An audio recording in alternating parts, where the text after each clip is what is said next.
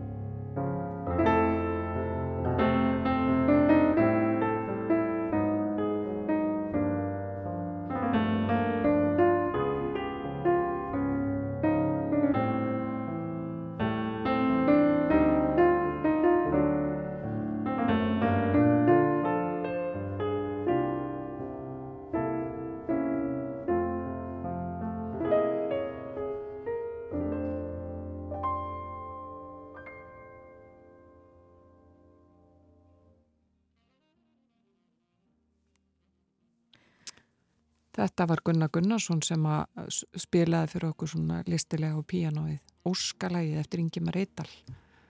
Við en...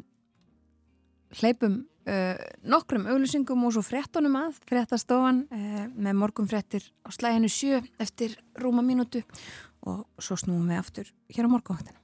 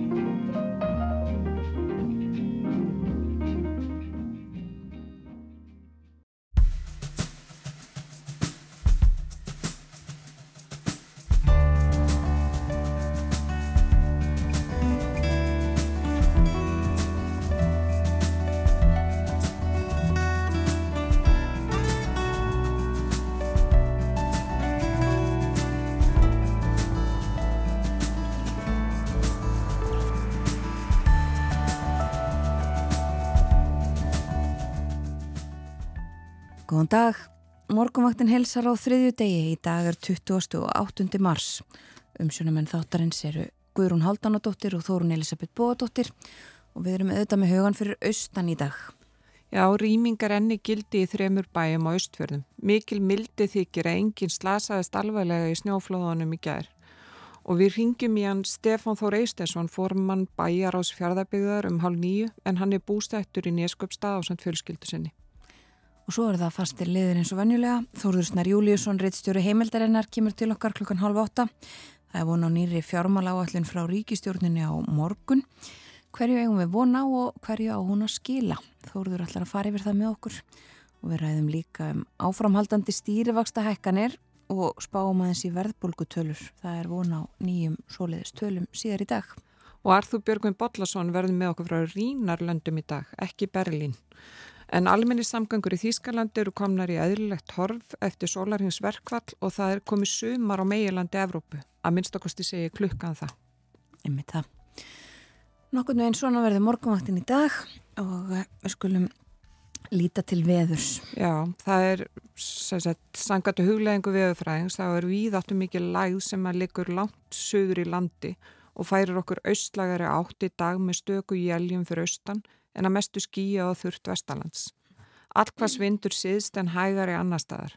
Í kvöld nálga skil sem fylgja lægðinni og bætir þá í vindin síðst og byrjar að snjóa þar. Í nótt og á morgun stefnir í austan kvassviðri eða storm með suðuströndinni þar sem kvassast verður undir eigafjöllum og í kringum örafi. Með þessu fylgir líklega snjókoma og skafreiningur svo búast má við lélugu skikni og versnandi akstur skilirðum. Þegar líður á morgudaginn hlínar í veðri þegar hlýr loftmassi kemur úr söðri og breytist á úrkoman yfir í slittu eða regningu á sunnaverðu landinu. En annað kvöld færi síðan úrkomi bakki yfir söð-austanvert landið og austfyrði og maður búast í talsverðu slittu eða snjókomu þar fram á fymtudag. Og versnandi færð hefði ég að þú nefndir fyrir maður yfir færðina eins og hún er núna. Það er vetrar færð í flestum landslutum síst þó á Suðvestur og Vesturlandi. Og uh, það eru nokkru vegir á austanverðurlandinu sem enn eru lokaðir eða ófærir. Fyrir maður yfir það samkvæmt tilkynningum frá vegagerðinni. Þá segir nú hér um Östurland að víða séu vegir lokaðir eða ófærir. Snjóþekja eða hálka er víða og útvegum í kringum eilstaði Norðfjörðagöng eru lókuð og nýjar upplýsingar koma um klukkan tíu þarum og sömulegðis er vegurinn um Fagradal lokaður vegna snjóflóða hættu og nýjar upplýsingar koma líka um klukkan tíu. Fjardarheiðin er líka lokuð en það er unnið að mokstri þar núna. Og eh, annar staðar á landinu má nefna að e, það eru hálkublettir á Fróðárheiði, Svínadal og í Dölum á Vesturlandi Það er ófært á Dinjandisheiði á vestfjörðum, hálka eða hálku blettir eru víða en þó greið fært á flestum leiðum og sunnanverðum vestfjörðum og það er snjóþekja á stökustad og ófært norður í árnisrepp. Og fyrir norðan hálka eða hálku blettir víða, einni nokkuð um snjóþekju á nokkrum leiðum og vegurunum víkurskarðir lokaður. Það er víðast hvar hálka, hálku blettir eða snjóþekja á norðausturlandi og og á söðustur landi nokkuð um, um hálku eða snjóþekju. Hún er á öllum leiðum á söðusturlandi og nokkrum stöðum á söðurlandi. Svona er færðin eins og staðan er núna ja. sem fyrir segir sagt, eh, verið að, verið að uh, móka uh, Já og akkurat rétt í þessu var verið að uppfæra það er búið að opna ferðarheiði. Gott að heyra það Já. og það er orðið fært á milli eigilstaða og seðisfjörðar. Já. En það er, var Lörglan á Östurlandi sendi frá sér tilkynningu sendi gerðkvöld um að það yrði ekkert skóla haldi leik og grunnskólum í Neskupstað á Eskifyrði og Fáskrúsfyrði í dag en á öllum þessu stöðum er þungfært við á götum og göngustígum auk þess sem rýmingar enni gildi á Eskifyrði og í Neskustad og gildur hún í það minsta fram eftir morgni. Staðan verður tekin á nýja legg núna fljótlega og gefur nú tilkynningu upp á klukkan 11. Mm. Fólk er beðið um að fylgjast vel með miðlum sveitafélagsins vegna þessa og auk tilkynninga um aðra þætti í þjónustu sveitafélagsins. En skólahald verður með hefðbundum hætti á Reyðafyrði, Breitalsvík og Stöðvafyrði. Og það er byrjaða sagt, til að segja að það veri snjóreiningur hef, mun hefjast allstað að snemma Já. í dag og það er mikið verk fyrir höndum og íbúar eru bennur um að sína verktökum sem sína snjómákstri tillitsseim og þólimæði meðan svo vinna stendur yfir. Það veitna aðeins hérna í austur frettar Gunnar Gunnarsson Reitstjóri þar hefur þetta farið snemma á fætur og uh, búin að skrifa frett, frettir um þessi mál uh, í morgunsárið uh, og sagði mitt, tóku þetta fyrst stöðun og því að engar frettir hafi búrist af nýjum snjóflóðum í nótt og vonir standa til að hættan og flóðum mingi í dag. Veðrið er þannig að það ætti að draga úr snjóflóðahættu og það er byrjað að meta aðstæður og, og móka eins og við vorum að fara yfir. En um, það er talið svona viðbúið að uh, nýflóð uppgötist í dag þegar það sést betur til fjallaheldurinn í gær. Og uh, svo er uh, farið yfir þetta með móksturinn um, og uh, þetta að það er beðið með mókstur á, á fagradala meðan að aðstæðunar eru metnar. En við, eins og við vorum að nefna þá er, þá er búið að opna og fara í gegnum heiðina uh, fjörðarheiði og Gunnar segir frá því að það var stungið í gegn til að koma vistum og fólki til seðferðinga sem og um borði í Varskipi Þór. Já. og Varskipi Þór uh, búið að vera að sigla þarna á milli akkurat, í nótt. Akkurat. Og ná, fulltrú að náttúra hanfara trygginga Íslands verða einmitt til viðtals í eigilsbúði í Neskjöpstæði dag frá klukkan 11 til klukkan 1 En náttúra hanfara tryggingar Íslands, það er vátryggja meðal annars gegn snjóflóðum. Einmitt. Þannig að allar húsegnir eru vátriðar og allt brunatrygt innbú og lausafið. En bifriðar eru almennt ekki vátriðar hjá náttúru hanfara tryggingum Íslands. En, en já, mm -hmm. en það eru nú yfirleitt sannsagt tryggðar hjá tryggingafélagunum, þessum hefðbundum. Já. Á ég að kíkja eins á blöðin í dag? Já, gerum já. það.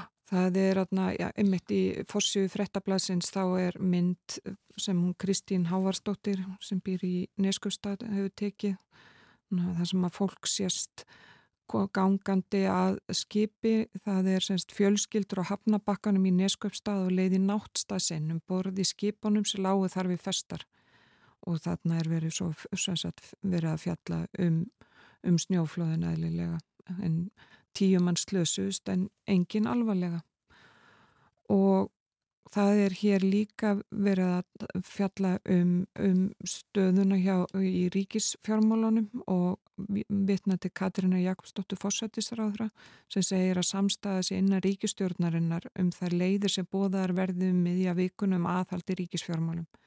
Það likur alveg fyrir að við erum að tala um aðhald, segir Katrín og það skilji allir hvað það þýðir bætir hún við. Það getur þýtt fækkun starfsmanna og það getur líka þýtt fækkun verkefna.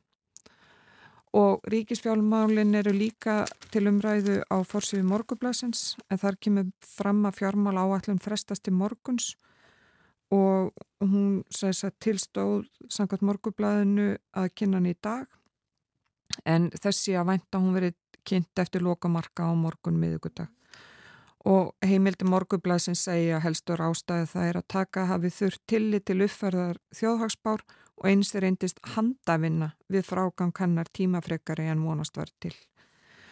Og Andris Magnúsons hefur hérna eftir stjórnaliðum að þá sé ekki vona á stórfenglegum breytingum, teiknir á loftu um örar í afkomi bata ríkisjós en óttast var þannig að 50 miljardar krónar halli á frum Jöfnuði sangant fjárlögum kunni að enda í 20 miljóðum krónu afgangi sem minka þrýstingi nokkuð en verðbolga kallar eftir sem áður á viðbrökð.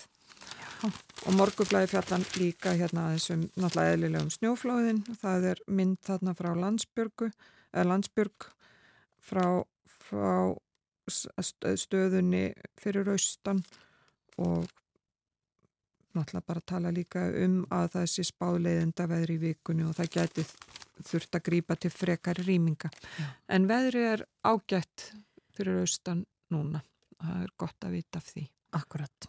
Við, við lítum út í heim eftir smá stund en skulum aðeins eh, brjóta þetta upp og hlusta á tónlist. Þú ætlum að heyra lag eh, af nýri nýjútkominni plötu eh, El Duende heitir hún þetta var tvöfald plata, hinn platan heitir Tú Duendi, þetta er Egil Ólafsson.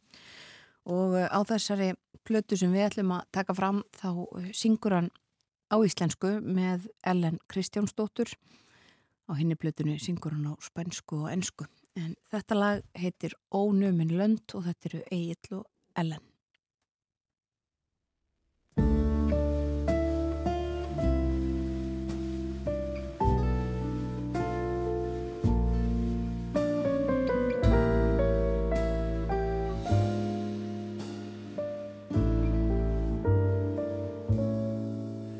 Ég minnist í morgun, ég hveð þig í dag, er máttugur sól, eldar aftur.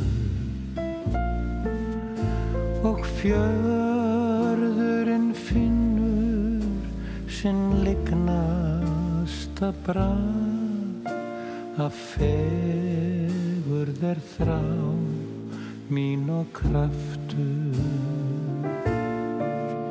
Ég sé enga útleið. Aður en að slíta all band ég sé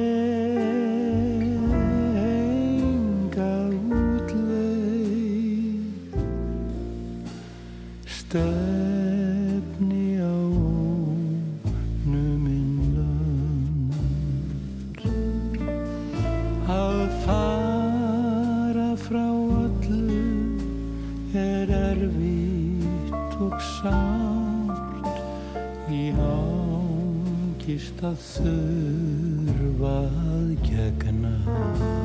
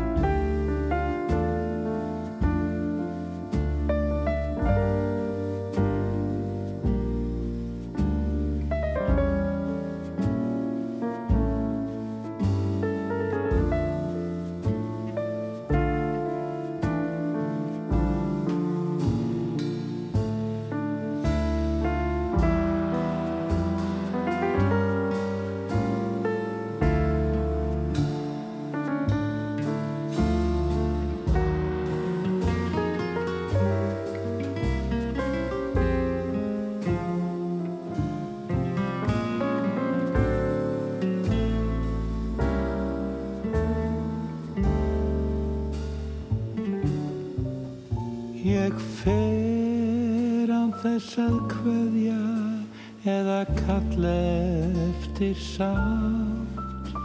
Það er kallt en samt best að ég fari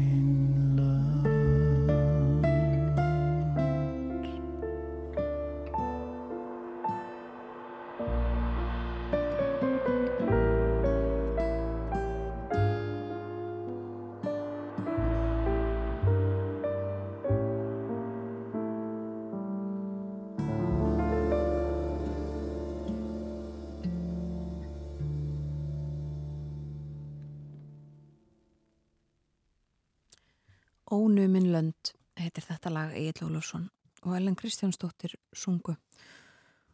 Og uh, við færum okkur til útlanda kíkjum á Erlend blöð og uh, þau eru mörg hver þau sem við skoðum á mótnana uh, með myndir frá Ísrael þar sem að mikil mótmæli hafa verið undarfartna daga vegna umdeildra breytinga áallara á uh, dómskerfinu og verið mikil óróleiki og ekki bara meðal almennings heldur í stjórnmálunum líka. Og í gær þá tilkynnti Benjamin Netanyahu forsættisráð þeirra Ísraels að hann ætlaði að fresta þessum breytingum. Og þetta eru orðnar tólf vikur af svona sívaksandi olgu hvað þessi mál varðar. Hann ætlar að fresta þessu þanga til næsta þingi, segir hann. Hann ætlar að gefa tíma til þess að finna einhvers konar málamöðlun við uh, stjórnar andstæðinga. Það helt ávarp uh, og sagt frá því hér í Erlendum fjölmjölum hann að við nú letið út fyrir að vera þreyttur, hann hafi verið óvenjulega svona flatur í um, tali hann ætlaði ekki, sagðan að, að uh, kljúfa þjóðina í, í herðar niður. Það væri möguleiki á því að komi vekk fyrir uh, vekk fyrir slíkt með samtali að þá ætlaði hann að taka sér þann tíma í samtal. En þó ekki sem sagt hægt við þetta allt saman. Þessar breytingar á, á dómskerfinu og hæstarétti landsins. Um, en þetta þá vonast þá til að, að ástandið í Ísrael róist hvað þetta varðar í það minsta en um, breskublöðin eru nú ekki mikið með hugan við þessi mál. Þau eiga yðurlega nóg með sitt og, og fjalla mest um um, uh, um breskmálefni Það er, uh, má ég lega nefna, tvent sem að er áberandi á flestum fórsíðunum þar. Annars vegar nýr leðtögi skoska þjóðaflokksins í Skotlandi. Uh, Humsa Júsaf sem var uh, kjörinn í gær var tilkynnt um það. Það var mjótt á munum í rauninni. Hann fekk rétt rúmlega 50% atkvæða gegn Kate Forbes sem fekk 48%, þetta var 52%, 48% og, og þau voru um margt ólíkir frambjöðundur og hafðu ólíka sín og nú er spurningin hvað hans kjör hef, þýðir, hvað það hefur í för með sér. Og blöðin svona leggja út af ólíkum punktum hvað þetta varðar að mögulega hafi sjálfstæði Skotlands færst fjær þrátt fyrir að hann lofi því að berjast fyrir því og blása eldi, eða blása lífi í þær glæður en svo líka fjallaðum stöðuna frá sjónarhóli fórsættisráþarans í vestminster Rissi Súnak og hann eh, lofar því að hann muni eh, berjast fyrir saminuðu Breitlandi áfram.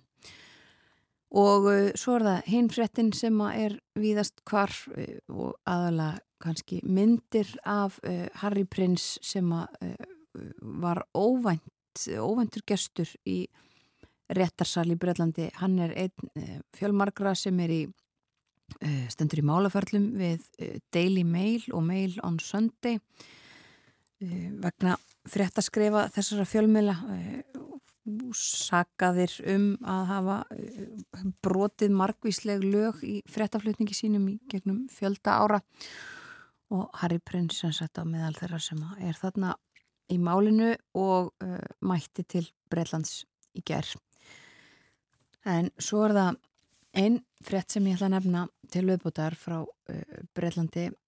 Hún er uh, fórsýðfrettin á Telegraf þar sem er rætt við bankastjóra Sælabanka Engla, e, e, Englandsbanka sem að e, kennir því um að kennir að vaksta hækkunum þar í landi segir að það er séu fólki sem hættir að vinna of snemma að kenna e, það séu bara reynilega of margir sem hafi tekið upp á því að fara snemma á eftirlaun og þetta hafi haft uh, slæm áhrif á verðbólgu og samaskapi orðið til þess að það við þurft að hækka vexti. Já, einmitt, þetta náttúrulega hefur margvíslega áhrif þegar, þegar fólk fer svona snemma að vinnumarkaði Já. og það vantar fólk til vinnu. Já, vinnumarkaðurinn uh, dróst saman um 0,4% uh, frá sagt, upphafi heimsfaraldurs. Og uh, það er sagt, samsvarar 132.000 manns. Og aðalega fólk sem sagt millir 50 og 64 ára sem hann hefur svona allavega uh, rekið augun í og tekið eftir. Og sem sagt þetta er uh, vitnað í hann mikla ræðu sem hann held um, Svo eru þetta fréttir af þessari skotárás í bandaríkjunum í Nassvill í gær og fjallaðan þá og fórsýðum að fundist hafi fleiri vopn á heimili árásar konunar um, og ímislegt dreyið fram með þetta eins og alltaf er í þessum allt og algengu skotárásum í bandaríkjunum. Og svo er það Þískaland, þar uh, eru fréttinnar af því og víðar að uh, það sé búið að senda skriðdrega. Við heyrum þetta í fréttunum mm. aðan líka. Það eru átján skriðdregar sem að, uh, voru afhendir úkrænumönnum í, í gær og komið til með að hafa, hafa mikla þýðingu fyrir úkrænu. Við fjöllum svo nánar um þískmálefni hérna eftir þegar Artúr Björgum Bodlason verði með okkur. En að lókum ætla ég svo að nefna líka að uh, það er í frönsku blöðunum og, og öðrum fjölmjölum auðvitað verða uh, ræða þessi umdildu eftirlauna uh, mál þar og mótmælin. Það búistu því að það verði mikil mótmæli í dag einu sunni enn og verða búa lögreglu meðal annars undir það að það geti verið uh, enn meiri fjöldi á göttunum í dag heldur en, uh, heldur en verið hefur, já. já, og var á fymtudagin sérstaklega eh, varaði því að það verði eh, kannski ennþá fleira ungt fólk. Og það er ekki síst eh, líka sagt, ungt fólk sem er ósátt við uh, það hvernig lögregla hefur farið að Akkurat, og það hefur skapast mikil umræðum þau mál. Einmitt að, að því að það er ekki snýtt að rauninni er kannski hægt að snúast mest um þessa hækkun á eftirlauna aldru 62 árum yfir í 64 heldur einmitt hvernig bara lögregla og bara stjórnvald kemur fram við fólk. Já og ungu maður uh, meðal annars sagt, í, í dái vegna höfuð áarka sem hann hlauti í mótmælum um, um helgina og sem sagt eh, mikið rætt um þetta og, og, og svona ímsar uh, hliðar á þessum málum. Uh, en blöðin mörg hver með það í forgrunni að það sé núna reynd uh, stjórnvöld reyni að um, svona miðla málum án þess að gefa eftir, ég veit nú ekki alveg hvernig það er hægt. En við hleypum frettastofuna, það er yfirleitt morgun fretta Svo verður Þórusnar Júliusson hérna með okkur.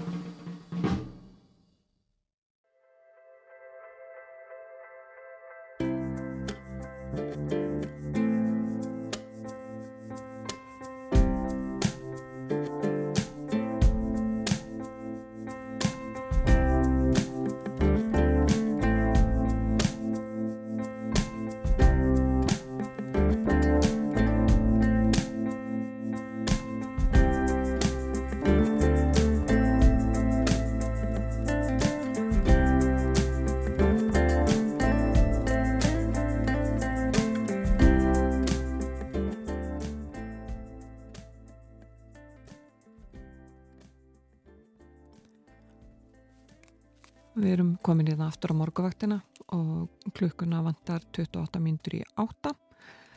Og Þóruður Snáru Júliusson verði með okkur hér eftir skammastundur í stjóra heimildarinnar.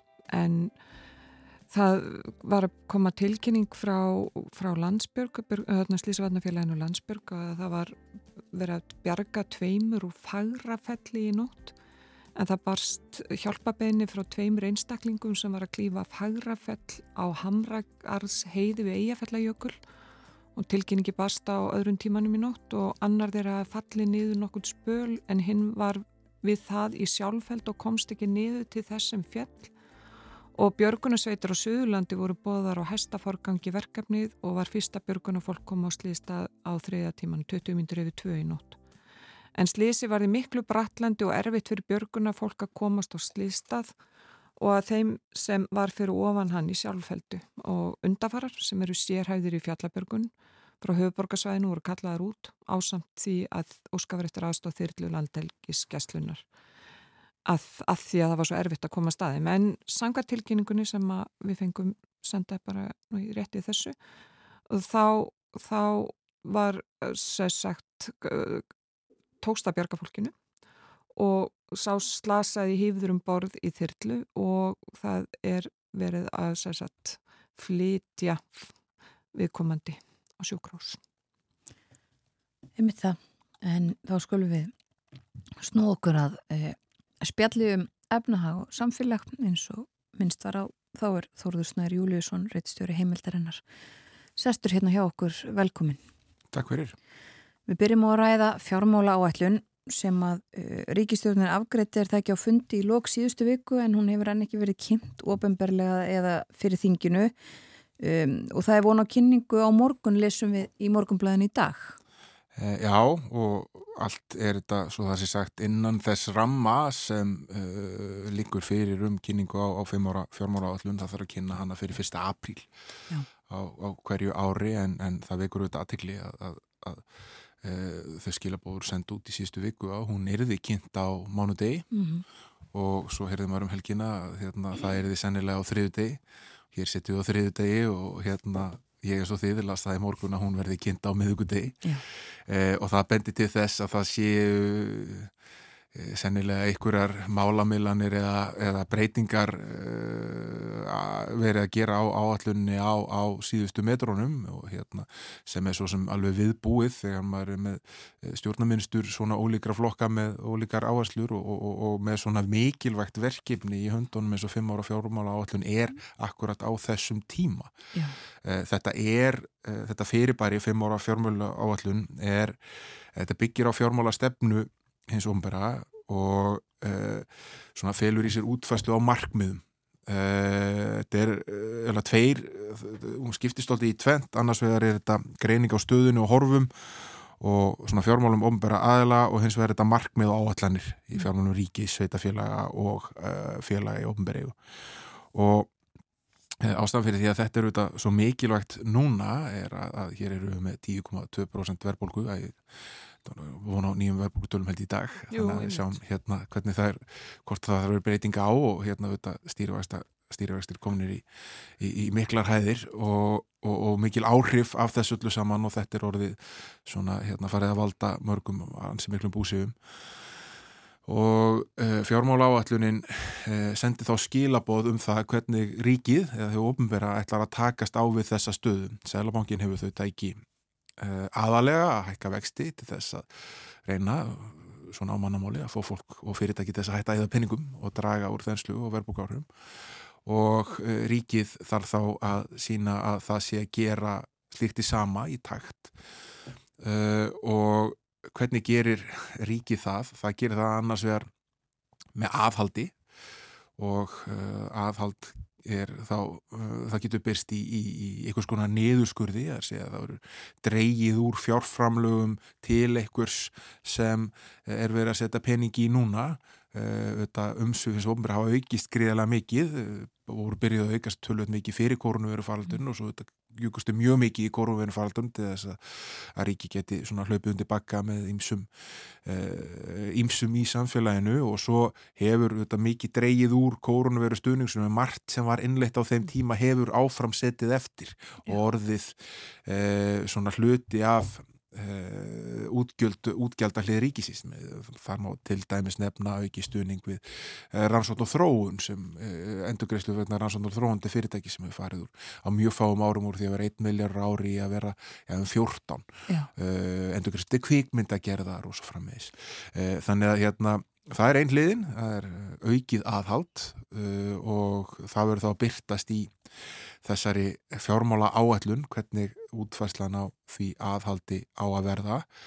Uh, og svo hins vegar auðvitað uh, tekjuaukningis óbyrbera sem hérna, skila þá, Elmórs samkvæmt, ríkin er meiri tekjum og, og, og getur eh, fært ríkin nær því að vera rekið í jafnbæi, samkvæmt fjárlugum síðast á, þess yfirstandandi ást, þá átt að reyka ríkið í 120 miljardar halla, flest bendur nú til þess að hann verði minni, mm -hmm. að frumjöfnur sé tölvöld skári en, en, en lagt var upp með, sem er uh, hitt besta mál, uh, en uh, þá þarf ríkið að, abla tekna og, og það getur auðvitað gert svona ef maður notar hérna hugtök stjórnmólamanna með því að stækka kökuna auka, auka hérna, skattekjur en þá þetta, eh, hérna kannski að, að, spila með þennslunni sem er í, í samfélaginu og, en hinlegin er að, að hækka skatta.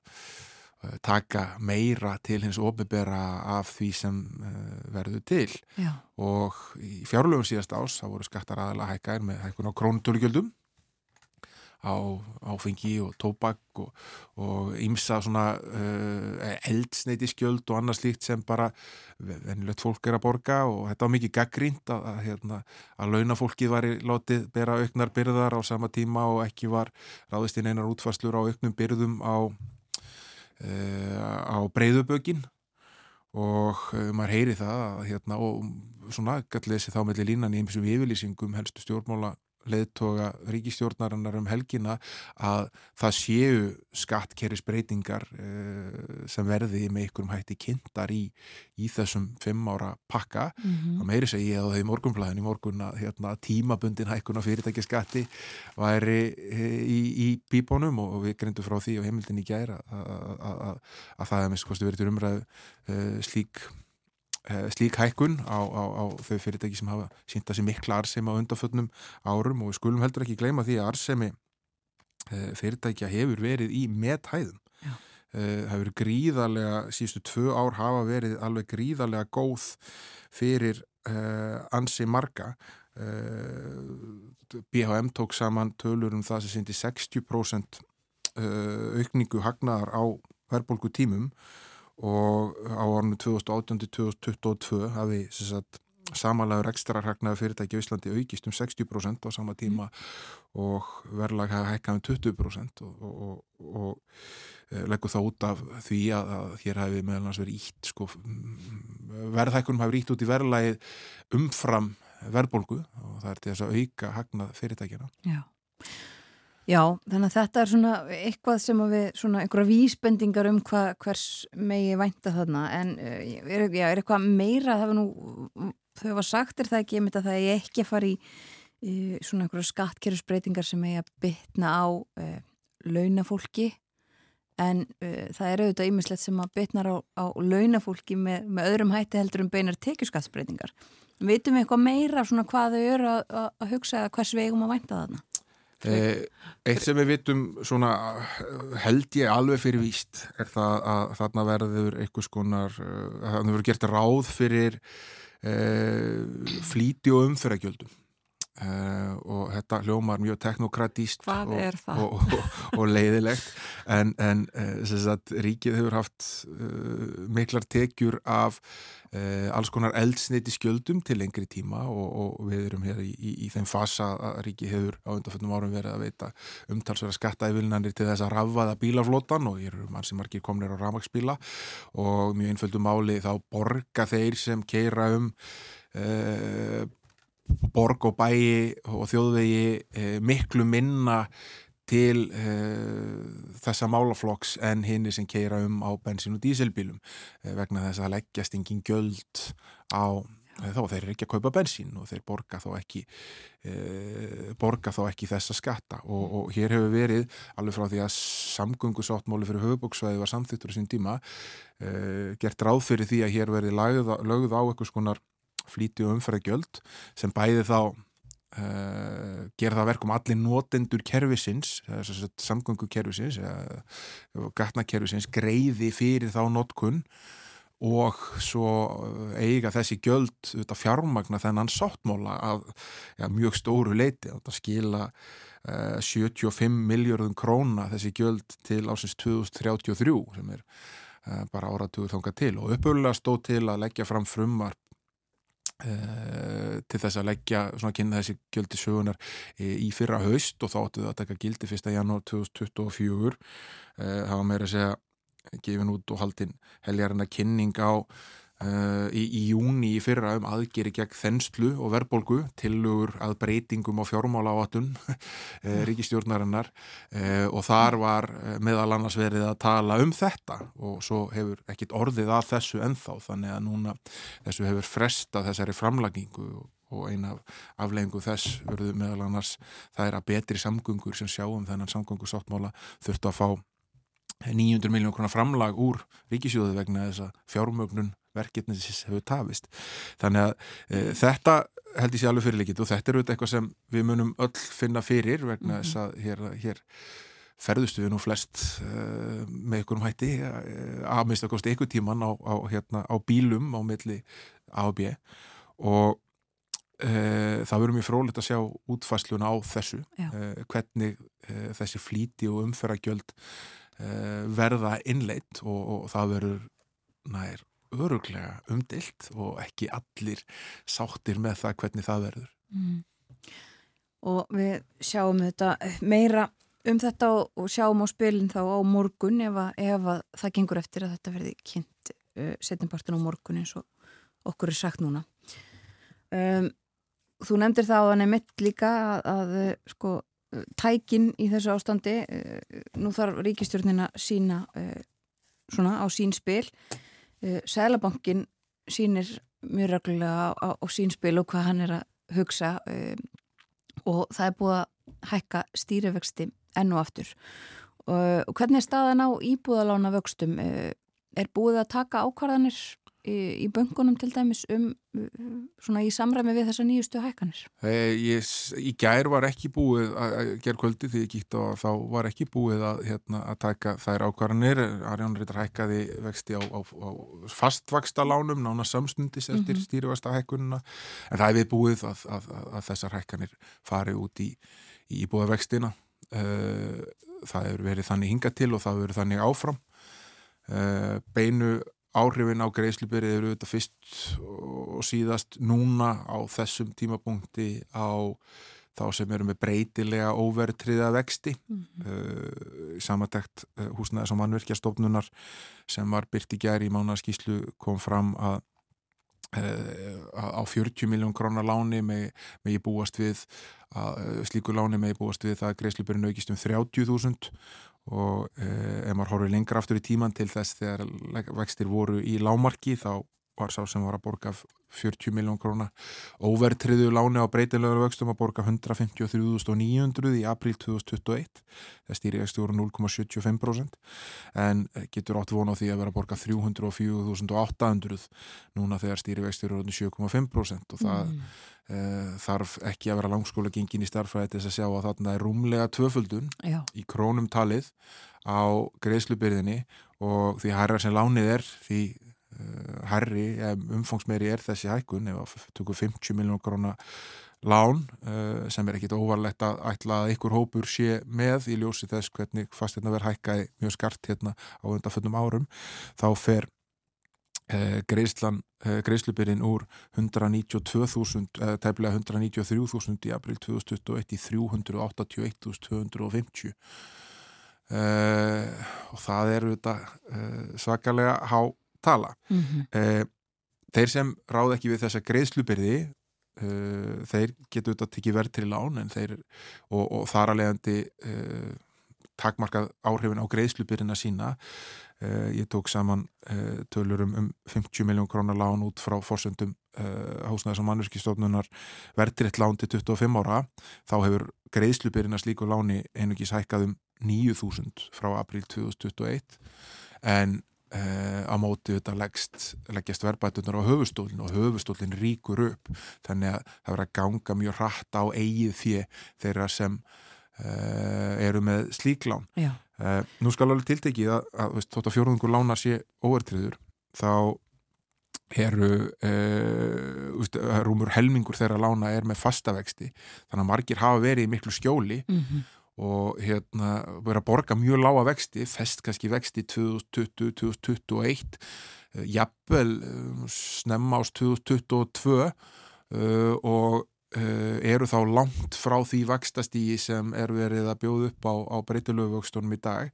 En Eh, þessir hópar er að losna, 74 miljardar sem losna á þessu ári, þetta eru 4500 heimili sem uh, þurfa þá að taka hopp frá já, nokkra prósent af aukstum og yfir það sem verða svona markasvexti núna sem verða sennilega rungum megin við 9% og þá ekst greiðslubirinn innan mánar mjög skart og það verður þetta flóki viðfóngsefni fyrir marka að taka takast á við. Já, það eru 74 miljardar.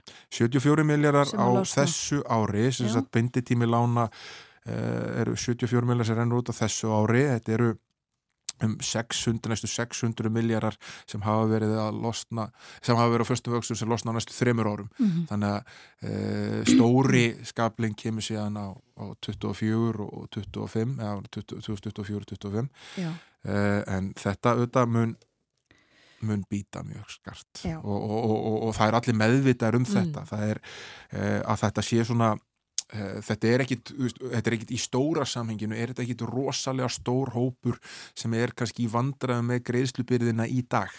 Sælabankin hefur að benda á þetta í fjármálastöðuleika réttónu sínum þráttur að greiðslubyrðina hækka rosalega mikið þá sé þetta Þú veist, það séu 30% heimil á Íslandi sem eru skuldlaus, um 30% skulda, e, þú veist, erum við greiðslu verið undir 100 áskalli e, og að það sé svona Já, sé, sé til dæla takmarkaður hópur sem sé með mjög háa greiðslubyrði eða var með mjög háa greiðslubyrði í janúar en mm. síðan í janúar hafa vextir hækkað um 1,75% stig og það auðvitað stekka þann hóp umtalsvert Já. sem er með mjög háa greiðslubyrði og uh, ofan á það er auðvitað og sjá það allir hvað er framöndan og með hverju mánuðin sem líður þá auðvitað kannski Uh, aukast möguleikarnir þeir, þeir, að þeir sem séu með verðtrið lán og að þessi vera að geta upp eigi fyrir þeirra að þeir geti lendi þeirri stöðu að vera með lán sem er hærra en markarsverið húsnæðis.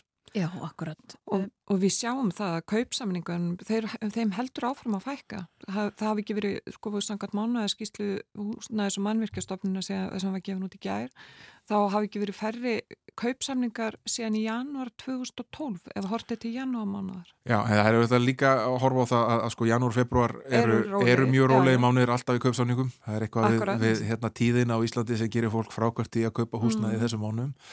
Það er, uh, það er samt sem áður. Já, og það, og, og, og það eru auðvitað ekkit óeðilegt uh, þegar uh, við erum búin að fara í gegnum ja, 12 vaksta hækkanir í röð og kostnaðurinn við lántöku fyrir aukist svona feikilega og eh, ekki bara fyrir þá sem eru að kaupa, sko líka hugsa á hinnendan að þeir sem eh, eru með áformum að byggja, þeir þurfa líka að fjármagna sig og kostnar þeirra við að fjármagna sig hefur stór aukist líka, þannig að hérna, hér er verið að taka í handbröðsuna, hér er að senda þau skilaboð, hægið á öllu Uh, ekki eigða peningum uh, til þess að ná tökum á verðbólgunni uh, og bara líkt og selabankastjórið voruði frægu fyrir og verður einna hans eftir málum, bara ekki fara til tenni og taka tásumindir. Veist, þetta, er, þetta eru mhm. skilabúðin og, hérna, og þá er ekkit óeðlilegt að þegar stjórntækjun er beitt sem eru stýravægstahekkanir að það hafi þar afleggingar að kaupsamningu fækki. En samt sem aðra á sama tíma þá sjáum við bara því miður. Verbolgan heldur áfram að aukast, ég menna hún var 10,2% í síðustu mæliku, við höfum vonað nýjum tölum núna klokka nýju frá Hagstofni. Mm -hmm. Þannig að er þetta tæki ekki að virka? Já, eitt og sér hefur þetta ekki verið að virka. Það held ég að sé uh, liggi alveg fyrir. Ég menna, hér var talað um það í fyrra þegar verðbólka fór verulega stað. Það þarf að uh, allir kraftarnir þurfa að vinna saman. Sælabankin með sín tæki og tól, ríkisfjármálin með uh, sín tæki og tól og svo vinnumarkaðurinn þar sem hvart var til þess að semja ábyrð mm -hmm. og nú sömdu nánast að það samti allir almennu varkarn á endanum eh, þótt að ebling hafi tekið lengri tíma til þess en aðrir eh, um skamtímasamning sem rennur út í, í janúar á næsta ári með það fyrir augum að leggja sitt á mörgum að vinna að vinna gegn verðbólgu. Ég held að það sé nú nokkuð fyrirleikjandi að, að kaupmáttur muni ekki halda í kaupmáttur ástöndekja muni ekki halda í verðbólgu þannig að hérna, þetta verða mjög flóknir og erfiðir samningar sem er verið að fara inn í núna í ljósi þessa að uh, aðgerri ríkistjórnaran þessu ofnbæra og, og, og sælabákast hafa hingað til ekki virka til þess að ná tökum á verðbólgunni. Munu hlutinir versna áður en þeir taka batna? Ég veit ekki. Það er uh, ómögulegt að vera alltaf einhvern veginn að fara að spá fyrir um það hvernig það þróast. Uh, það veldur rosalega mikið á því hvað hefur ofnbæra gerir og hvernig því veru tekið. Við skulum líka hafa augun á því að, að fimm ára fjármála áallun er ekki bara planum aðgerir, hún er líka skilabóðum væntingar og, og, og það hvernig markaðir taka þeim skilabóðum skipti líka máli. Við nefnt svona dæmi til dæmis um mjög illa hefnaða kynningu á fjármála áallun. Það skulum við mun eftir kynningu fjármálaráðara Liz Truss á hennar skamvinna fósættisráðaraferðli í Breitlandi sem setti nánast Breitland á hliðina. Uh, vegna þess að þar var ráðist í alls konar aðgerðir sem markaðurinn mat sem svo að væru uh, gegn svona heildar hagsmunum markaða og, og, og, og efnahags Breitlands ég á ekki von á neinu slíku frá Íslensku ríkistjórninni, ég held að hérna, hér, þetta er nú uh, ég held að það líki alveg í, í hlutanis eðli þegar þú ert með uh, flokka sem eru svona ólíkir að, að þarna verða alltaf miklar málamillanir og, og stíð varlega til jarðar, þarna verði ekki einhverjar mjög stórar óvæntar sprengjur þrátt fyrir að, að, að e, flokkarnir þurfa að gefa eitthvað eftir af sinni svona uh, mænu hugmyndafræði uh, varðandi annarkort uh, það að draga saman í umsöfum hins ofnbæra eða auka tekjuöflun hins ofnbæra meðal annars með aukinni skatlatningu mm. uh, en, hérna, en væntingarna skipta miklu máli og ef að vel tekst til ef að, ef að hérna, svona uh, að þetta verður áhrif á skuldabræðamarkaði og þetta verður áhrif á getu hins ofnbæra og íslenskra fyrirtækja og fjármála kerust til þess að fjármagnar sig og annars líkt þá, þá getur ekki stjórnum verið nokkuð sátt með sig. Þá kemur í ljósa morgun, hvernig þeir Það kemur í ljós á morgun og við fáum nýjustu verðbólgutöluðnar eh, síðar í dag og ræðum þessi mál mögulega eftir viku. Kæra þakki fyrir í dag, Þóruðsnar Júliusson.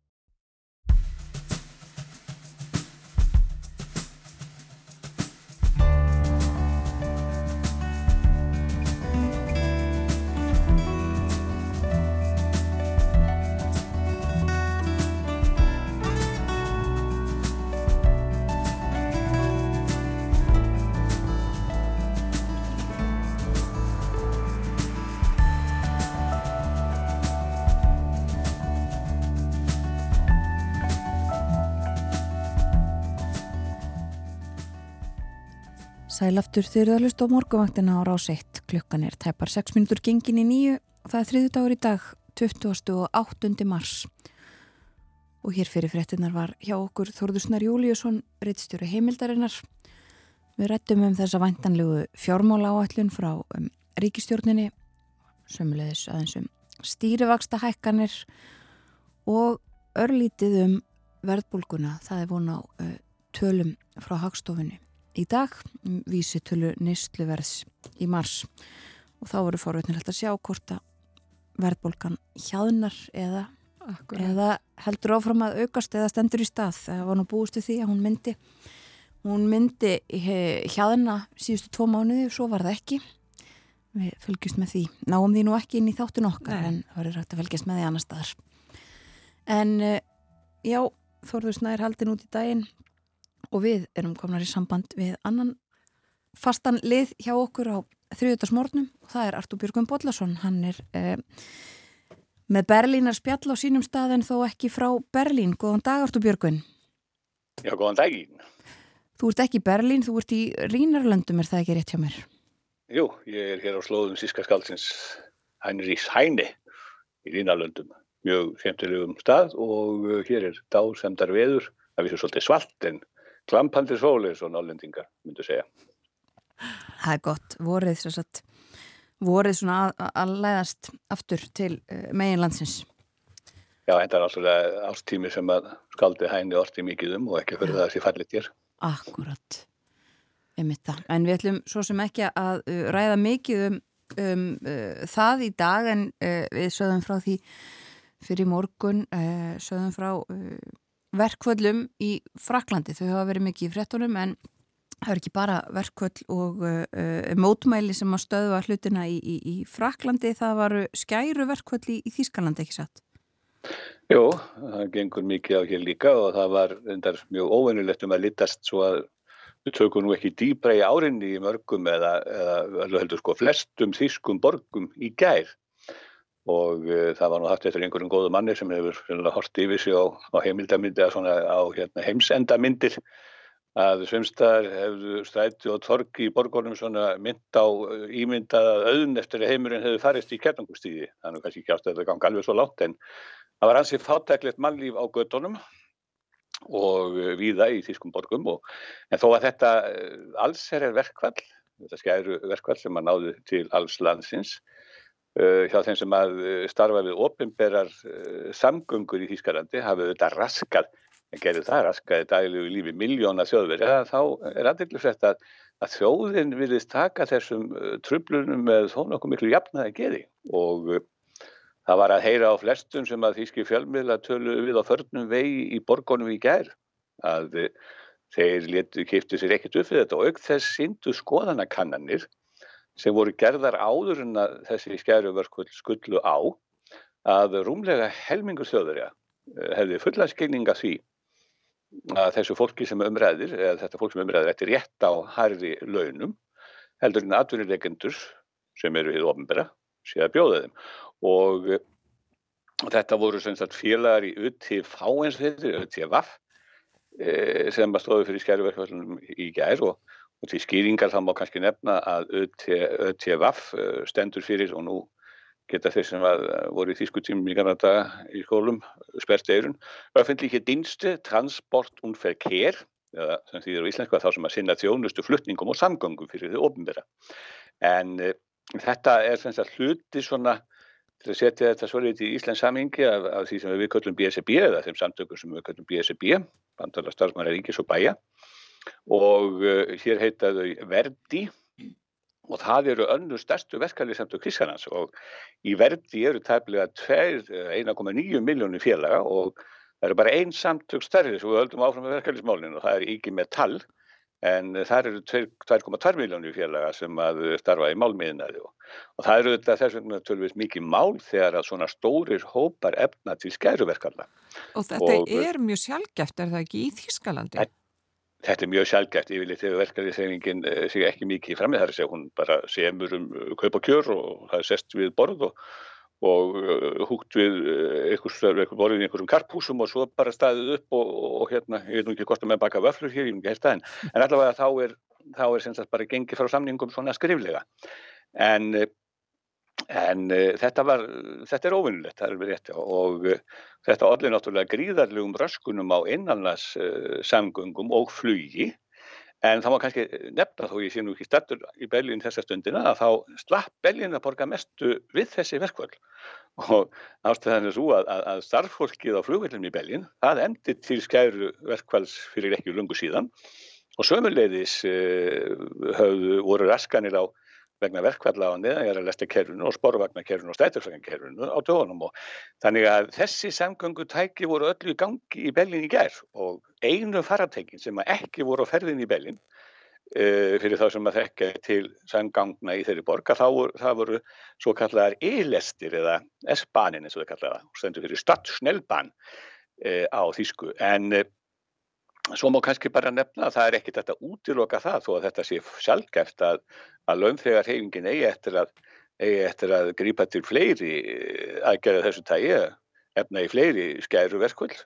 Því það ber ennþá mjög mikið að milli og eh, verkefliðshefingun eh, krefst þess að þessi launþegar samlu krefjast þess að, að launin hækjum tveggjast af að tölu en þið ofinbæra býður eftir því sem næst fyrir komist ekki nama 5% launahækkun og Og það er kannski, má nú segja, að það sem að veldur þessum, uh, þessari ólgu er ekki síst verðbólgudraugurinn sem er komin á kreik hér eins og á Íslandi og við annars þar í Európu.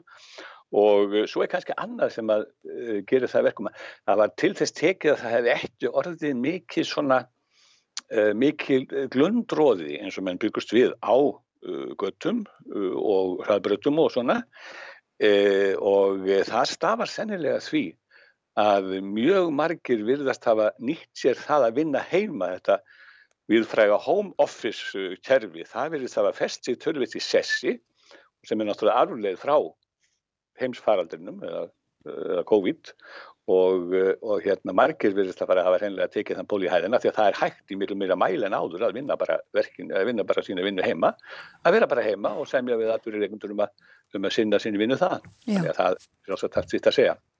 Já og við fylgjum kannski áfram með og, og þú segir okkur frá uh, þessum deilum eftir því sem þeim vindur fram. En við ætlum að tala um já, annað sem að já, hefur valdið og veldur tviðsvara ári röskun í lífi fólks. Já, það er tímin tímin er náttúrulega einn helsti áhrifavaldur í lífi okkar allra. Og uh, það er, segja, ekki, ekki að förða þó að hins byggingar og og hugsuður hafi velt honum fyrir sér fram og tilbaka. Og hann leikur okkur stundum grátt og stundum getur hann verið okkur í hag. En hvað sem þeim líður að þá er það sem þú ert að í að það er það að, að klukkunni var flýtt hér um síðusti helgi aðfram á stundudags og um einn klukkutíma.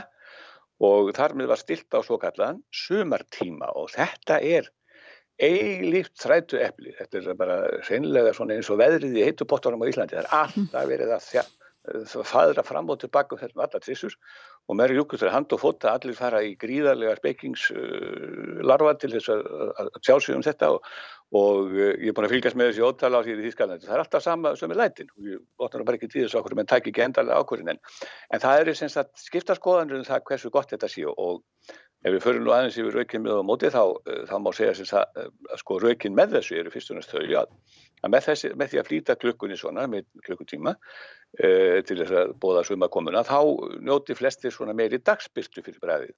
Sólinn kemur auðvitað á setna upp og dagsbyrtan hún varir klukkustund lengur en kvöldinu. Maður fann alltaf það um núna um helgina allt í hennu var, var sagt, fór að dimma mun setna klukkutíma setna heldur en áður og Og svo tala vinnuveitundur um það að þetta stuðlega að aukinni vinnugleði og sálfræðingar haldaði fram að þetta þeir verið varið, minna varið við þunglindi en það hefur nú sjálfs bara með það að gera þegar voru kemur þá er bara fólk almennt uh, í betra skapi mm. en aftur á móti móturreikin eru þau að uh, sérstaklega sko þeir sem að, sem að uh, stríða við svepptrublanir og alls kynns svona sjúkdóma erfiða sjúkdóma þeir segja að tímabreitingin hafi þau áhrif að þeir finni gætna fyrir aukinni þreyt og slappleika. Og, og vísindamenn þykjast nú líka hafa komist að því að, að, að breytingin auki hættu á hjartaáfullum og, og það sem að var sko uppalðið að þátti þessi tímabreiting að spara orku. En nú er komið í ljós að henni fylgir engin orkuspartnaður og ástæðan er svo að ljósin loga við svo aðeins uh, skemur. En uh, á þeirra móti hækka, hækka hérna, hittakostnaður á móti. Og Þetta er svona svolítið vandamáli en þó að flesti séu nú svovandi þegar þessum tímu breytt þá er þetta líka aðri sem að sinna þjónustustörfum á nóttunni á skona fólk sem vinna hér í stóru landi á, á nætturnar og þeir náttúrulega tala um að þessi tímabreyting valdi þeim verulegum óþægendum og uh, það er sem sagt vandlífað og ekki alveg ljóst hvort rökin vega þingra til að vera sænt en uh, samt sem þá þá því maður verður að einhverju afstöðu að þá virðist nú þeir sem að vilja hætta þessum tímabreitingum uh, hafa meira til síns máls en það er sagt með fyrirvara. Já og þetta er alveg ótrúlegt hvað einn klukkustundur geta skipt miklu máli og einmitt eins og þú segir hvað er hægt að töða fram og tilbaka um þannan klukkutíma.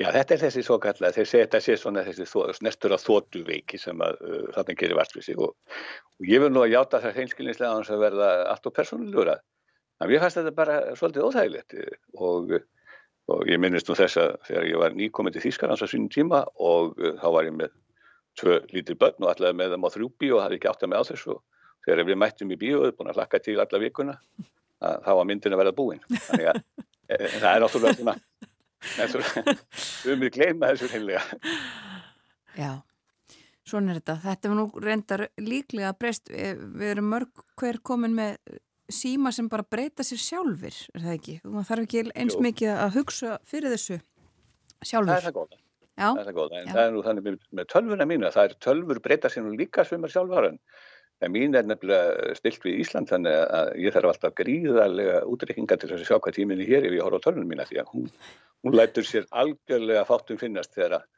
þegar eiginlega stöður er að breyta tíman það kemur henni ekkit við, hún er bara í sínum íslenska tíma. Einmitt, og svo er náttúrulega líka kannski varhuga verðt að treystum of á tæknina því hún klikkar auðvitað líka.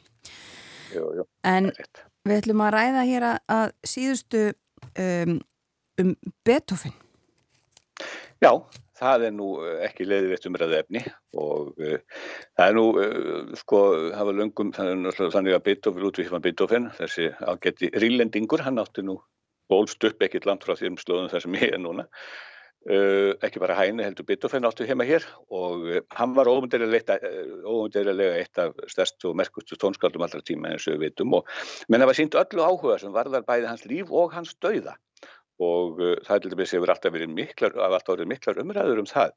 Hvað hafi orðið þessum mestara, uh, mikla mestara að aldur til að hann dó 27. mars 1827 fyrir nánast nákvæmlega 196 árum og var þá ekki nema 56 ára. Og uh, Sagan segir að rétt árun hann dó þá hafi rítarnans borið inn til hans flöskur af eðal fínu rýtursheim víni sem að honum hafi verið gefnar og þá byttum henni að vera sagt sjadi, sjadi, tsu spet þetta er aflitt, þetta er allt og sent og skömmur setna að hann hafi gefið upp öndina en eh, það eru marga kenningar um dánar ásök Beethovens og uh, það var vitað að hann var uh, hann var í tíum við vafarsamar konur á sínum tíma. Þess vegna var ég haldið fram að hann hefði fengið sárasótt eða sífélis en svo var því líka haldið fram af einhverju miskilningi hann hefði dáið úr blí eitrun En nú hafa eh, vísir menn eða vísindamenn komist að þeirri niðurstöðu eftir langar og viðamiklar genaransóknir á hárlokkum, þetta er svolítið hurðulegt mál, sem að taliði víst að síu af höfðu vestarhans að Beethoven hafi dáið úr skorpulífur. Já. Og uh, það ítir uh, undir þessa skoðun, segja þeir svona upp á genin að, að báðir foreldrar tónskáldsins mun að hafi verið miklu drittju sjúklingar og auk þess benda margar heimilir til þess að, að mestari Beethoven hafi að jafnaði tæmt, ja, hann hafi drikkið ótæfnilega tæmt nokkrar vínflöskur á, á dag og uh, ég var nefnilega að sjá uh, samtal við fórstuðumann Max Planck-stofnurinn er í Leipzig sem að, er í forsværi, eða var í forsværi fyrir þessum uh, vísindamannahópi sem það greindi harlokka Beethovens, hann sagði að þeir eru verið förðuslegnir þeir eru komist að, að þessari niðurstöðu en En meistverði Beethoven er nú svo sem ekki fyrsti snýlingurinn í menningar og listasögunni sem hefur árið bakkus og bráði, við það.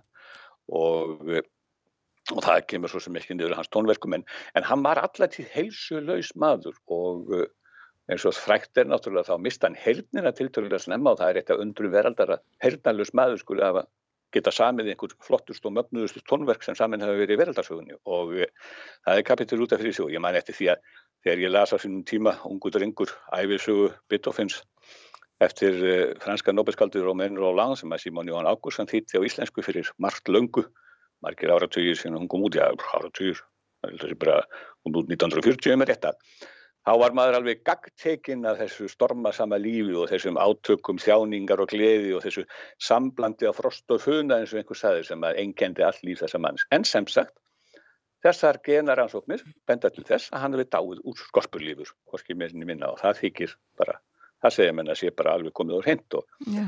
þetta er svolítið magnað því að hérna, því að e, það var lengi vel haldið að þetta, sko, þegar í, mann eftir því að í Kanada, þegar um það leiti sem að þessi æfisaða Rómans og lands kom út á íslensku, þá skrifaði einhver maður að e, hann hefur dáið brósthimnubólgu Beethoven hefur dáið brósthimnubólgu, þannig að kenningarnar hafa verið margar og litríkar En þetta mun verið endalega niðurstað. Það er ekki tími til þess að fara hér út í þessa hárlokkasögu en, en uh, það hafa orðið líka mikla degur um það hvaða lokkar sem geimdust voru raunverulega á höfðu mestarans og hvaða lokkar voru, þeir lokkar sem voru lengi rannsakaðir kom í ljós þegar var við að skoða það núna þeir voru á höfðu einhverja konu. Já. Og það hefur verið falsaður tíma. En, en okkur þessi hárlokkar, jú, vegna þess að, að það var þannig að læri sveina mestarans, þeir höfðu það verið síð þegar þeir komið til hans að fá hjá hann lokk svona í staðin fyrir einhandar áritun lokk til þess að eiga til minningar um, heimsóknuna til hans og þetta var algengt á þessum dögum vist. Ok, og þess vegna hafa þeir varðist allir þessi lokkar, já. Þannig að voru skalláttur snemma. Já, það má gera það fyrir því að allavega verður þunnherður þegar álið eftir ekki plokk af lokkum. Einmitt, forveitnilegt er það. En Artur Björgun, við ætlum að ljúka spjall okkar í dag á því að uh, spila Beethoven, hvað ætlum við að hlusta á? Já, heyrðu, það er vel tilfundið, hann er náttúrulega mestari tónlistarinnar og við ætlum að heyra þá uh, hugnæmt uh, hérna lag við ástarljóði eftir landa hans Karl Frídrík Herósi uh, og það er sungið af mestarasöngvarunum Dítrík Fischer Díska og heitir Zerlíki lífi eða Hugljúð ást. Heyrum það, kæra þakkir fyrir í dag Artur Björgun Bodlason. Takk sem er leiðis.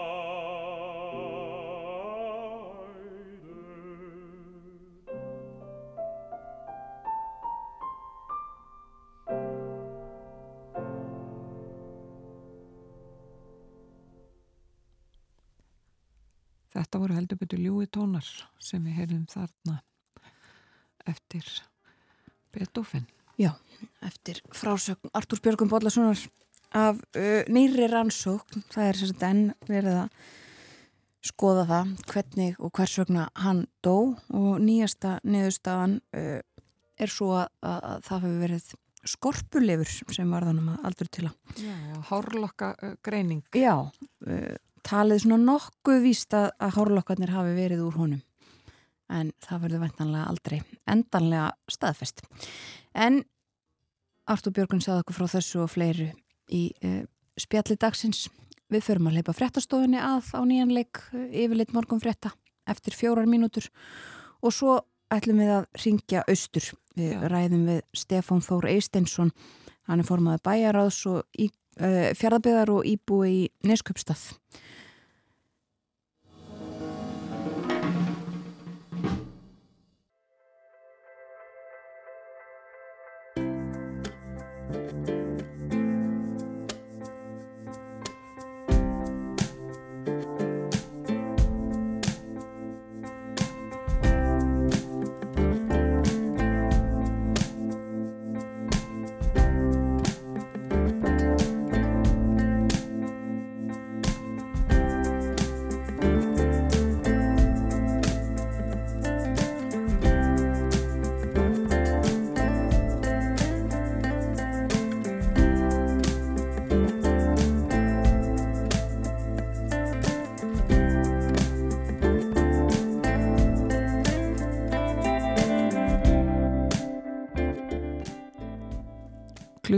Vantar 28 mínútur í nýju og við heyrðum hér á þann af hvernig staðan er fyrir austan en, en það eru eh, sagt enn rýmingar í gildi og við fylst með þessu allt frá því gerð morgun stöðum mála á austfjörðum og við erum með Stefán Þór Eisteinsson formann bæjaráðs og íbúa í Nesköpstað hérna á línunni hjá okkur. Sæll og blessaður Stefán. Það er það svo. Jæja, þú byrði Nesköpstað, hvernig er staðan hjá ykkur núna? Heyrðu, hún er, hún er nú svona, kannski, tekur svolítið með af því sem að gekk á í gær, uh, en, en ætlum sé ekki bara ágætt þrátt til allt saman. Núna hefur, það hefur nú dreigið tölvöldu snjókominu, hún er svona meira minna, meira minna hægt Mm. og, skik, og svona eftir því þá er skiknið þetta orðið tölvöld betra. Þannig að við sjáum hér upp í fjall og sjáum hér, sjáum hér yfir í búlandið og þannig að það er róast tölvöld veðrið. Og það er, uh, það þurft að rýma töluvert af húsum í gær hjá ykkur. Var, þurfti þú að yfirgefa heimilið þitt og, fjölskylda? Já, það, við, við hérna uh, þurftum ekki að rýma við sjálf en, en nákvæmlega okkar margir hverju þurfti að rýma í, og það voru þetta fjörmörk hús sem að þurfti að rýma eins og segir í gær. Og við erum blessunulega erum við uh, undir snjóflóðvarningarði en það var samt mælti þess af, af hérna uh, að við völdum gæra að rýma sérsagt þau hús sem væru hvað næst görðunum. Já. en við erum raun og veru fyrir neðangut þannig að við hérna þurftum ekki að, ekki að rýma í þessu ástandi sem var í gæð Já. En auðvitað fjölmargir sem að, sem að lendi því og, þurftu að gista annars þar út af, út af ástandinu Hvernig er tilfinningin þegar hamfari sem, að, sem þessar ríða yfir? Hvernig er að upplifa svona? hún er auðvitað auðvitað mjög skil þetta er uh, ég held ég hafi sagt það ekkert í gæð þetta er svo sannarleika sem ég átti ekki vonaði að, að upplifa sjálfur Akkurat. Eh, hér, hér í bæ er þetta já, fólk, þetta fólki sem, að, hefur upplifað einmitt þetta áður þessi snjóflóð og hérna, þessi ónöta tilfinning sem þeim fylgir. Hún er, sannlega ekki góð, ekki þannig. En, en það sem að þetta er nú samt svona kannski blenda tilfinningar því að það sem þetta gerist í gær uh, sé, í kjölfar flóðana og í kjölfar þess að hætta sem myndast að sér maður bara enn og aftur hvaða er mikill samhugur í, í samfélaginu og, og hérna uh, hvað fólk er tilbúið til að hjálpast að og, og hérna koma saman þegar, þegar ástandi er eins og, eins og það var í gær og er í dag að, hérna það er svona það er gott að sjá hvað fólk er tilbúið til að, til að já, hjálpa til og, og, koma nákvæmlega til, til, til aðstofar. Já. Og það voru einhverju sem að þurftu að gista í skipum í höfninni, er það ekki? Jú, það voru, það voru hérna öll gistiplast bæjarins nýtt, hlut nýtt í gær. Uh, fjölmargir sem að gistu hjá vinum og vandamannum, ætningum, uh, einhver sem gistu í, á gistiheimilum eða á hótelum bæjarins og svo er einhver jú sem, að, sem gistu í nýttu skipin og, og, og, og það gistipláss sem að þar var í búði þannig að þú heyrir það að það, það komu allir saman og, og, og hérna voru tilbúin til að hjálpa og bjóða fólki saman það. Já. Og við náttúrulega það myndumst hérna á flóðin í desember 1974, þann 20. desember þá fjallu tvö snjóflóði í Neskjöpstað eftir mikla snjókomum dagan á undan og það voru semst tvö flóð sem fjalla mannabyður og það létust 12 en 13 var bjargað. Þú ert fættur og uppalinn í Neskjöpstað þetta, þú ert náttúrulega ekki þú ert það ungur að þú mannst ekki eftir þessu en þetta lítur að hafa setið þúnt í fjölskyldunni. Jú, þetta auðvitað verandi alveg upp er fættur og alveg upp þá, þá auðvitað hefur þessi saga verið sögð mjög oft hér og, og hefur auðvitað fyllt bænum alla tíð hvað þetta gerðist og þetta auðvitað hefur haft áhrif á, á fólki kringum hann, Ma, maður finnur það.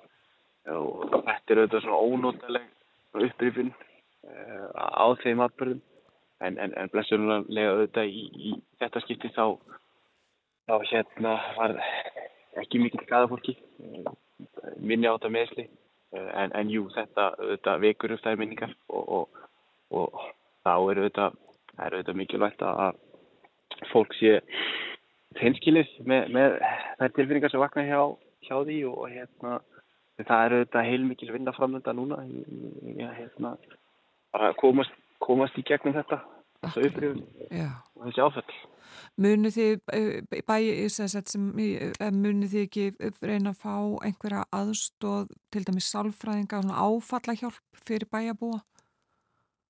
Jú, ég held að það sé komin það er mjög, mjög betri svona eh, reynsla komin á öll þessi áföll sem að, sem að fylgja svona atbyrðum og, og, og það er allir mjög meðvitaðar um þá vinnu sem þarf að fara í og nöðsvægt að fara í. Og við munum auðvitað beita ykkur uh, í, í því að hérna, þeir sem þurfi aðstof munum fá, munum svo sannlega fá hana.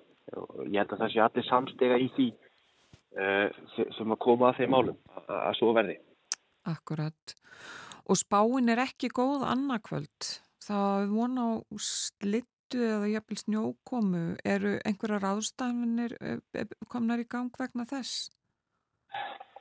Já, það, það er eins og segir við spáum nú ekki kannski glæsileg framöndan en uh, það er svona eins og staðinni núna þá er verið að klára þetta í raun og veru bara atbyrgi gerðdagsins og svona verið að sópa upp uh, auðvitað eru rýmingarnar ennþá í gangi hér til að mynda og, og eski fyrir því uh, þannig að það er svona verið að kannski klára þau mál eins og við getum. Og svo auðvitað uh, eru menn meðvitað um, um, um viðspána sem er núna framöndan og, og allar þær uh, áallanir sem er til staðar núna eru menn vel meðvitað um þær og hérna í, í svona, þessi rýming var auðvitað, hún var mjög stór. Já sem fór fram í gær og hérna og gekk alveg vonum framar og, og svona til maks um, um hversu gott fólk við eigum sem er í þessum beitum sem aðstöðu í, í, í því öllu saman.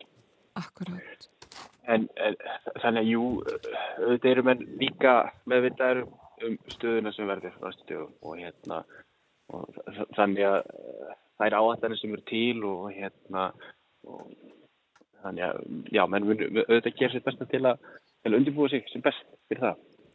Og nú er einmitt eins og segðfyrðingar, þeir náttúrulega, það er ekkit langt, ekki mörg ár síðan að þeir upplýðu þessa uh, skelvilegu örskriður og svo kemur þetta núna snjóflóð.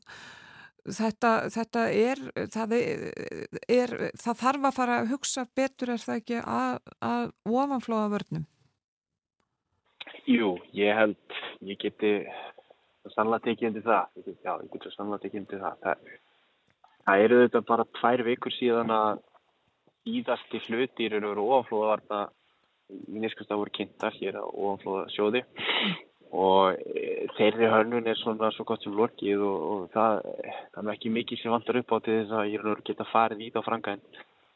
Uh, við þetta, maður finnur það í, í þessu aftandu sem þetta er og þetta er áfram í daga að maður er rosalega þakkláttur fyrir það að hafa þessi þessar ofanflóðavarnir til staðar uh, og núna er þetta bara núna þurfum við að leggja allt kapp á að, að ljúka þessum síðast áfanga til að verja í raun og veru þennan íðasta hluta byggðar sem Mm. er óvarinn og það eru þetta eitthvað sem við munum leggja mikla áherslu á núna og hérna ég held að það séu allir sammála um það að það þurfa að leggja allt kapp á það að, klára þá vinnu sem allra fyrst og fjármagna, það verkefni.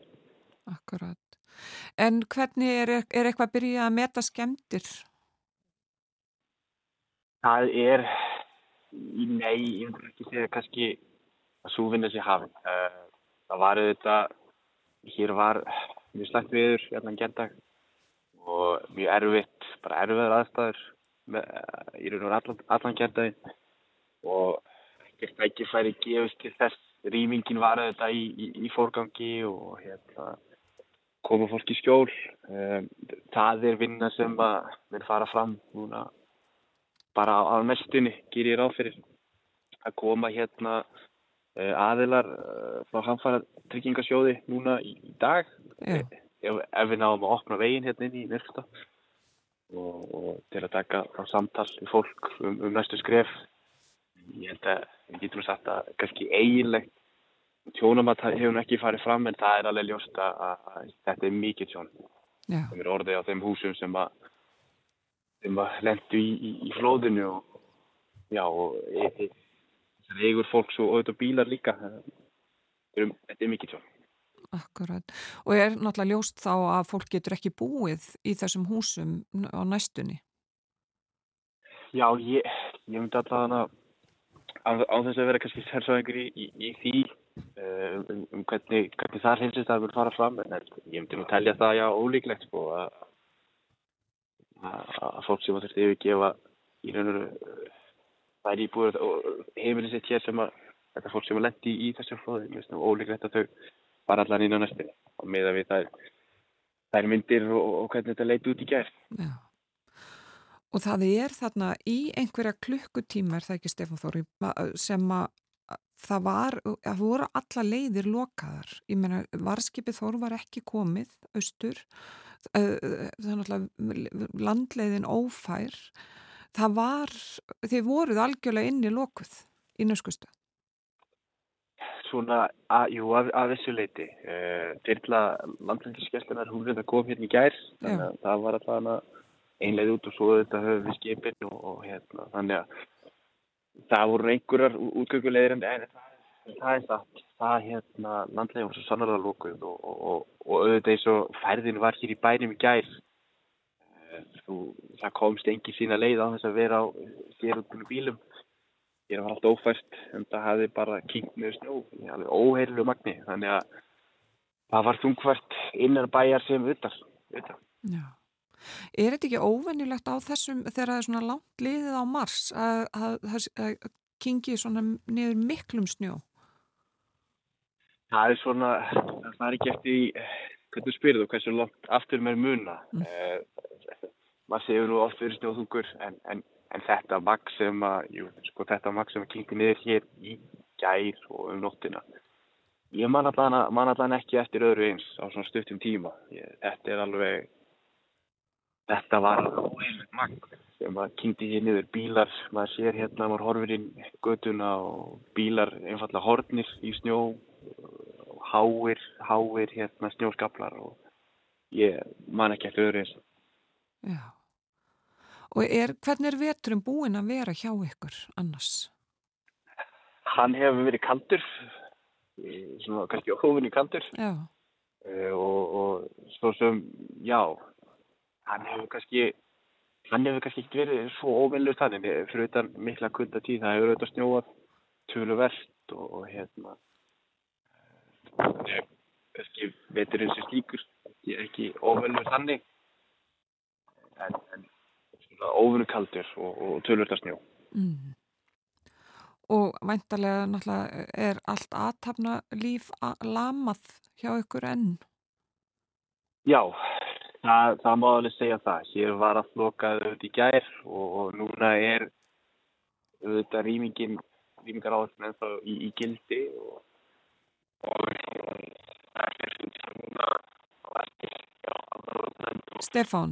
Stefán, það heyrist ekki í þér núna? Nú, Heyrður í mig núna? Já, nú kemur inn. Já, nú, já, já. En, en, jú, hér, hér liggur, hér liggur allt, allt meira að vinna neyri. Hér er verið að fara að riðja vegi og, og hérna, reyna að gera fært í, í bænum alveglega. Já. Og svo, eins og segja, fundur hjá almannavartanendun og eftir og þar verður staðan tekinn og, og næstu skref metin. Það er auðvitað mikilvægt að, að fara að opna göngin, þannig að við höfum að það leið út eins og kostið náðan. Já, akkurat, það er talað um með þetta að nýjar upplýsingar komi um tíu leitið. En uh, það, er, uh, það er von á einhverjum upplýsingum varðandi rýmingar núna um 11, er það ekki, Stefán? Jú, jú, nú stjæst vel til fjálsins og, og hægt að meta stuðuna með lega og, og, og þá meta menn í raun og veru þessi næstu skref eins og með rýminguna. Þannig að upplýsingar um það munu berast og upplýsingargjöfin nokkuð góð. Já og í hvert fólki þess að halda að fylgjast með. Akkurat. Takk kærlega fyrir þetta Stefan Þór Eisteinsson, formar bæjaráðs og íbúi í Nesköpstað og gangi ykkur bara vel fyrir austan. Takk fyrir þetta og, og, og takk fyrir það. Já, við heyrðum hérna í Stefáni Þór frá Nesköpstað en við skulum hlýða á eitt lag.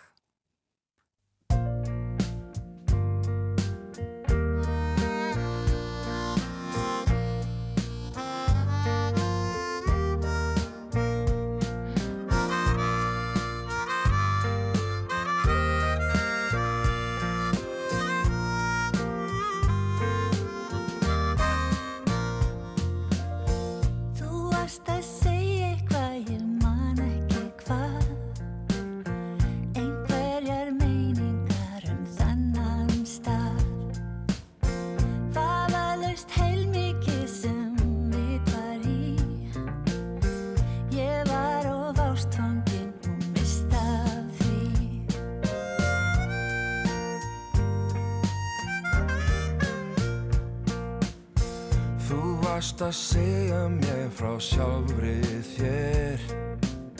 Satt best að segja fór það fram hjá mér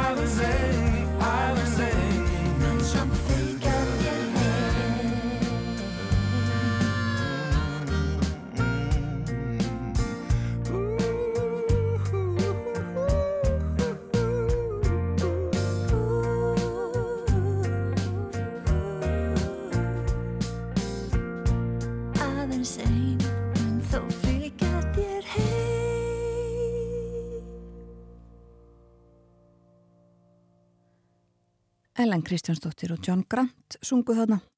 Veldu stjörnu heitir þetta lag. Og við eh, vorum í sambandi við við uh, Nesköpstað hér rétt áðan. Stefán Björn Eistinsson sað okkur frá ástandi mála þar. Skulum rétt áður en að morgunvaktinni líkur uh, renna yfir það sem er að gerast á alþingi í dag. Ég að spá því að þingmenn ræði mögulega eitthvað um stöðumála fyrir austan í fyrsta dagskráliðnum sem er uh, störf þingsins. Þingfundur sérstaklega dagskrá klukkan hálf tvö í dag. Og svo eru einn nýju önnur mál á uh, dagskrá þingfundarins en líka tölversta fundum. Áður en að þingfundurinn hefst uh, umhverfis og samgöngunemnd, allsherjar og mentamálanemnd og efnahags- og viðskiptanemnd funda í dag og uh, svo sem fyrir segir fundur klukkan hálf tvö. Og það eru þingfundir þessa vikuna og eins og við um, lásum um í morgunblæðinu uh, og varðandi þessa fjármála áallun sem líklega verður kynnt á morgun að þá var gert ráð fyrir því að, að, að Bjarni Byrndursson fjármálaráð þeirra mæli fyrir henni á förstu dag og við fylgjumstu auðvitað með því hér á morgunvaktinni eins og annar staðar í miðlum rúf. Já, það er einmitt talað um að, að þetta veri kynnt eftir lokumarka á morgun, það er að segja þarna síðdeis. En við vorum hér áðan með Stefán Þór Eisteinsson í bói Neskupstað og Linni og hann var að segja okkur frá hvernig staðan er hjá íbúum þar þessa stundina og hvernig þetta var í gær og það er alveg gríðalegt fannferki í bænum en þau eru farin að sjá til fjalla og þau eru farin að sjá hvernig svona bara er umhors í bænum eftir þess að miklu hamfari sem gengur þar yfir í gær. En uh, veðrið er ágætt þar í dag en svo munum það versna annað kvöld. En þannig að það er kannski vel við hæfi að renna yfir hugleðingar veðufrængs en það er víðáttum mikil lægð sem að líkur langt söður í hafi og hún færir okkur austlaga átt í dag með stökum jæljum fyrir austan en að mestu skíjað og þurft vestalands. En það er allkvæs vindur siðst en hægar í annar staðar. Í kvöldnálga skil sem fylgja lægðinni og bætir þá í vindin siðst og byrjar að snjóa þar. En í nótt og á morgun stefnir í austan kvassviðri eða stormu suðuströndinni þar sem kvassast verður undir eigafjöllum og í kringum örafi.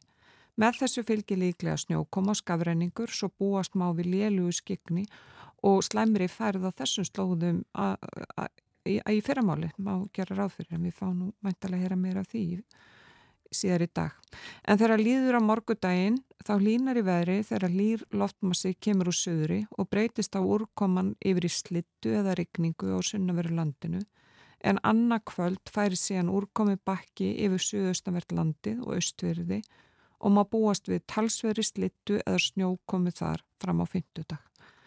Þannig að það verður vantilega hortið þess þegar verður ákveði varðandi, varðandi hvenar rýmingum verður aflétt og hvort að, já, hvort að er hægt að bara hefja aðtönustar sem er á ný í þessum bæ, bæjum fjárðabygðar sem eru viðbúnar er í gangi. Já, og það verður hægt að fylgjast með þessu þetta, það verður grant fylgst með gangi mála.